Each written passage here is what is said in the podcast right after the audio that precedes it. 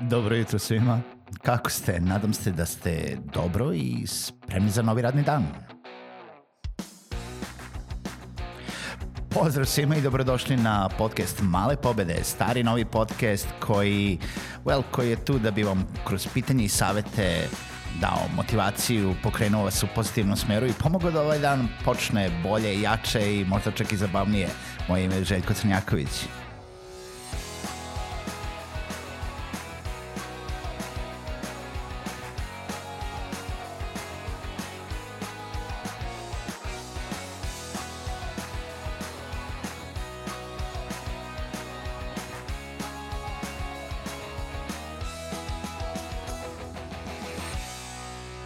Pozdrav svima i dobrodošli u još jednu epizodu podcasta Male pobede. Moje ime je Željko Crnjaković, a ja sam domaćin u ovom podcastu i kroz vaš put uh, od malih pobeda do velikih postignuća. Pričamo o poslovanju, digitalnom poslovanju, malim pobedama u životu i svemu drugome i ukoliko želite podržite ovaj podcast kao i još neki koji to već rade, možete da odete na www.patreon.com kroz male pobede i ostavite vašu donaciju koja će omogućiti da pa na neki način znamo zašto radimo, znamo zašto e, se trudimo i ustajemo svako jutro da snimimo neke nove epizode i ulepšamo i poboljšamo vaš dan. A, današnja, današnja tematika jeste da pričamo o tome zapravo zašto bi brendovi trebalo da razmisle o tome e, i ulože u kreiranje podcasta. Zašto bi brendovi trebalo da kreiraju podcaste? Brand, mislim, da ne pričamo o tome da brendovi, velike firme, pa čak i male firme ulažu i treba da ulažu mnogo para i energije u kreiranje sadržaja. To je jedini način da dođete do vaše publike i nebitno da li je vaš sadržaj uh, pisani sadržaj kao što su blogovi, uh, da li je to sadržaj na društvenim mrežama gde ćete vi jednostavno da na neki način komunicirate sa vašom publikom, da se približite njima ili je to neki video sadržaj jer je video uh, tokom poslednjih pet godina jel da, u konstantnom porastu hvata non stop pažnju, nenormalno puno vremena trošimo na video i u poslednje vreme, u poslednjih godinu, dve dana, podcasti, audio sadržaj koji je stariji od video sadržaja, kao što smo više puta rekli, ali je sada nekako doživao ponovni boom zato što jednostavno nudi veću multifunkcionalnost. Mi moramo da trošimo uh, vreme sedeći i gledajući neke videe i za to odvajamo dosta vremena u toku dana, ali audio sadržaj možemo da komuniciramo dok radimo nešto drugo dok šetamo ulicom, idemo na posao, vozimo, uh, idemo na, ne znam, u teretanu ili na neki drugi sport, uh, dok sedimo i radimo nešto drugo, dok spremamo po kući, šta god možete da zamislite, znači setite se koliko puta stavite slušalice uši na vašem telefonu i sa vašeg telefona, jel da, i kada idete negde, jednostavno samo slušate. Da li slušate muziku ili podcaste, evo zapravo pre nekoliko dana sam čuo ovaj, od jednog dobrog prijatelja jednostavno prestao je da sluša muziku, prešao je samo na podcaste zato što ima toliko različitih podcasta, nisu svi edukativni, nisu svi a, zabavni, ima ih kakve vam, jel da, kakve samo možete poželeti, znači od radio drama do edukacije, do komedija, do bilo čega što možete da zamislite, možete da nađete i na podcastu. E, zapravo postoji svaki dan preko stotine hiljade podcasta se prijavljuju novi e, na te distributere i neke, neke stavke koje su zaprepašćujuće samo u posljednje vreme jeste da a, samo u Americi samo u Americi a, taj broj dolazi do nekoliko, nekoliko miliona, evo sad pokušavam da nađem a, cifru, znači od a, samih a, 300 i kusur miliona ljudi koji se nalaze u Americi, 125 miliona je sl sluša podcaste. Je slušalac podcasta, sam teo da kažem. 125 miliona ljudi, ljudi samo u Americi sluša podcaste i taj dan svaki broj, svaki dan taj broj sve više raste. I sad kad uzmemo to i stavimo na ceo svet, taj broj dostiže i preko 200 miliona ljudi koji svakodnevno ili jednom nedeljno ili jednom mesečno ili neredovno, kako god hoćete da okrenete, konzumiraju neku vrstu podcast sadržaja. Baš zato što je uh, multifunkcionalan i dozvoljava vam da vi budete multifunkcionalni do kraja. Te sad, zašto brendovi?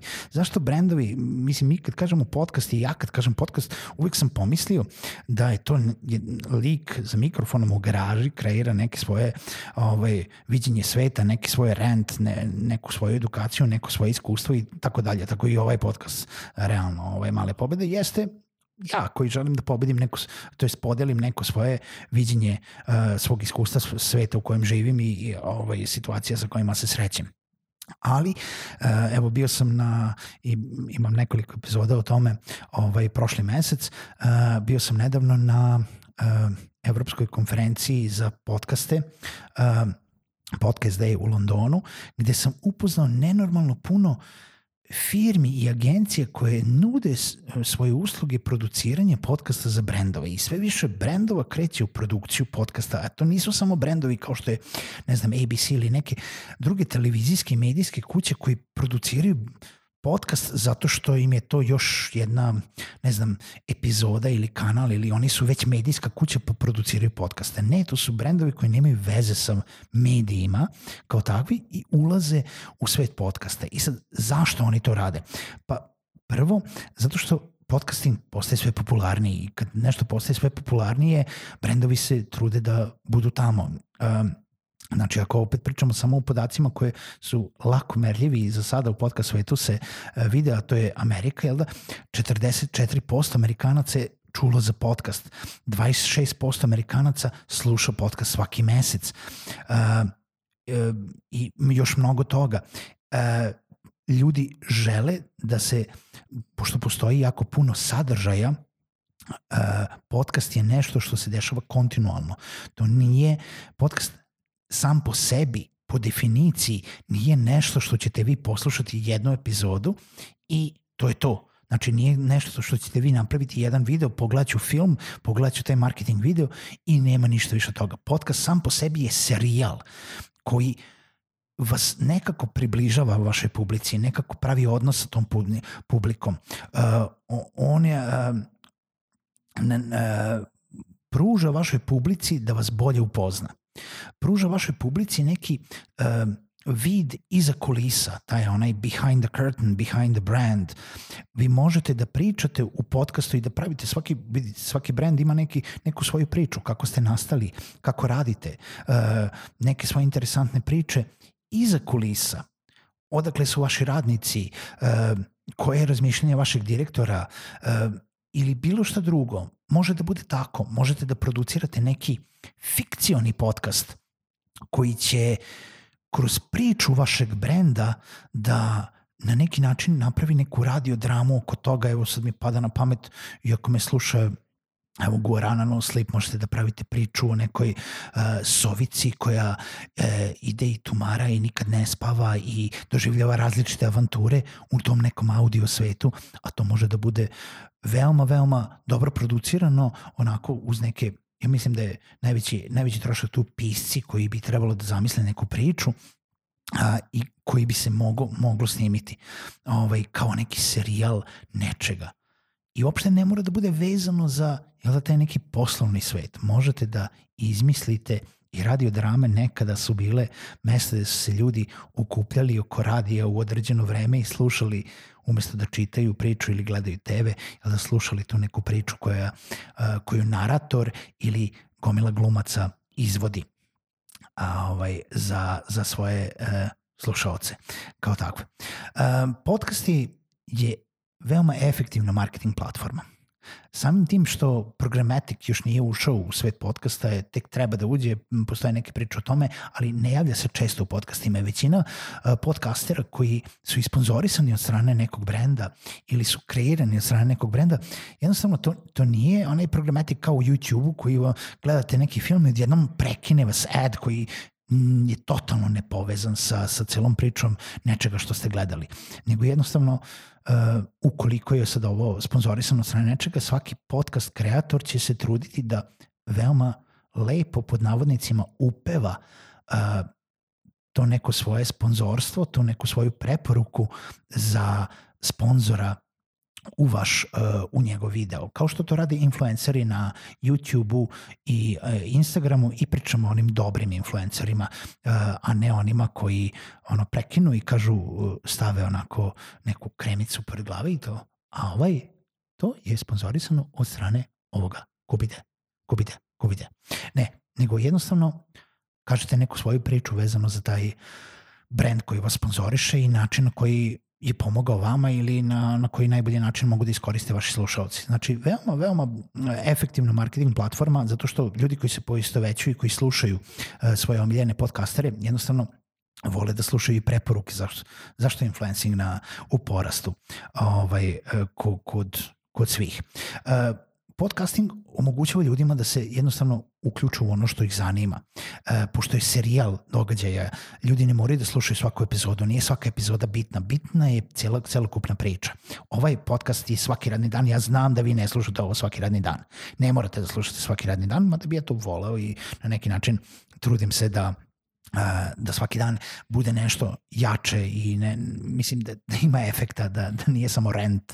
Ono kao sredom znam da niko ne sluša i danas mogu da, ovaj, ne znam, lakiram nokte dok, dok pričam zašto znam da ne slušate. Ne, zapravo neko sluša sredom, neko sluša četvrtkom, neko sluša na kraju nedelje svih pet epizoda unazad, a neko nije slušao dve nedelje pa je nastavio. Od tada nema veze. Nema veze, naći ćete ukoliko vas nešto zanima po opisu epizoda, po naslovu epizoda, naći ćete unazad nešto što vas zanima i uh, moći ćete ponovo da poslušate kada god to bude uh, bilo ovaj potrebno. I za kraj, podcasting je izuzetno cost effective. Uh, podcasting je audio forma. Uh, zamislite interaktivnost videa i uh, engagement videa, ali bez video produkcije, samo audio produkcije. Jeste, ima, ovo je skuplje nego da pišete blogove, ovo je skuplje i možda a, kompleksnije nego da ste napravili neku Facebook kampanju a, ili da ste se snimili mobilnim telefonom. Ali sa druge strane, nema kamera, nema svetla, nema a, posebne scenografije, a, ima možda dobrog scenarija, ima par uh, ono tipa mikrofona, uh, intervjua i ne znam čega god još, ima dobre priče. Ali je bitno za sve da to bude kontinuitet. Podcast jeste kontinuitet. Tako da ako ste brand, razmislite o tome da uh, uđete u svet podcasta i ukoliko vam treba ikakva pomoć, stojimo na raspolaganju. Čujemo se u nekoj narednoj epizodi podcasta Male pobede.